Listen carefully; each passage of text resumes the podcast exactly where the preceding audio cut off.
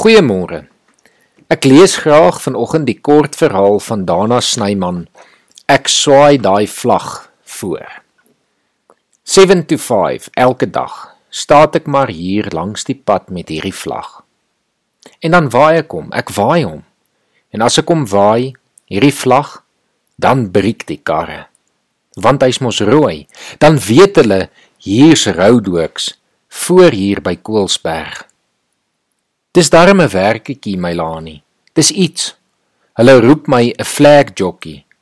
R2000 'n maand. Die anderse, hulle sit in die shacks op Koelsberg en drink bier en steek mes. Ek's klaar met daai lewe.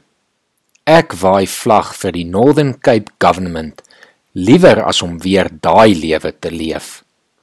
Ek bring maar my watertjie en broodjie wat ek hier in die gassies langs die pad bære. Soms staan staan jy en eet en drink. Die supervisor soek nie louf nie. Sy oë is skerp. Ek's maar hier in hierdie langes gebore laanie. Bietjie skool gegaan, bietjie slim geraak. Die eintlike ding wat ek wil wees is 'n pastoor. Ek was mos 'n man wat staat en tronk toe gehad het. Maar toe kap die Here my sonde af. In 2006, Mei, die 15de Mei Ek het als gedoen. Dagga, beklei, al daai's. Maar nou waai ek hierdie vlag. Partykeer raak die mense ongemaklik met my. Hulle kom aan in hulle se karre en hul se Land Rovers. Oop en toe kom hulle hier. Dan moet hulle stop. Dan klim partytjies uit en wys na daai sign van 20 minutes delay. Dan s' hulle sommer kwaai. Wat's fout met hierdie government van jou hè? sê hulle. Hierdie land is verby. Ander se sit in hul se karre met hul se kieste so dik. Een ou vrou, sy draai haar glas af. "De, kom vat hier," sê sy. Dan kry ek brood van Gauteng af. Maybe sy kry my jammer want sy vra, "Wat's jou naam?" Anneries Kloete sê ek. "Shame," sê sy en draai weer die glas op. Anderse wil jou sommer neek as hulle nie wil wag nie. Kom uit tatatjie skrou hulle. Ons wil ry, ons wil ry, ons soek nie jou en jou se soort om ons te laat stop nie. Dan praat ek met my hart en sê: "Kalm, ou hart." Ek sien dinge my laanie. Ek dink dinge. Maar die mense dink ek staat net hier en waai vlag. Hierdie verhaal kan of 'n baie inspirerende verhaal wees of 'n baie hartseer een. Dit hang natuurlik af hoe jy na die verhaal geluister het. As die fokus is op die arme man wat vlag moet waai en die gemors van wat alles deur 'n padwerk gesimboliseer word, is dit 'n baie hartseer verhaal.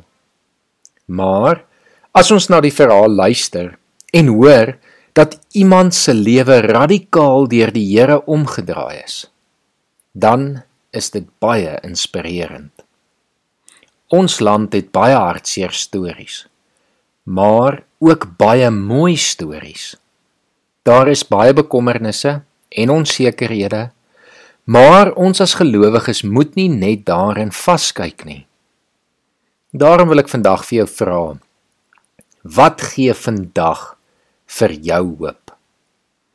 As gelowige is ons hoop natuurlik altyd primêr in Christus gewortel. Daarom maak dit nie saak wat die omstandighede van hierdie wêreld is nie. Ons bly hoop, nie op onsself nie, nie op ander mense nie, nie eers in die springbokke nie, net in die Here Jesus. Ek lees graag vanoggend vir ons 2 Korintiërs 4 vers 7 tot 12 voor wat hierdie baie mooi verwoord. Ons wat hierdie skat in ons het, is maar kleipotte wat maklik breek Die krag wat alles oortref, kom dus van God en nie van ons nie.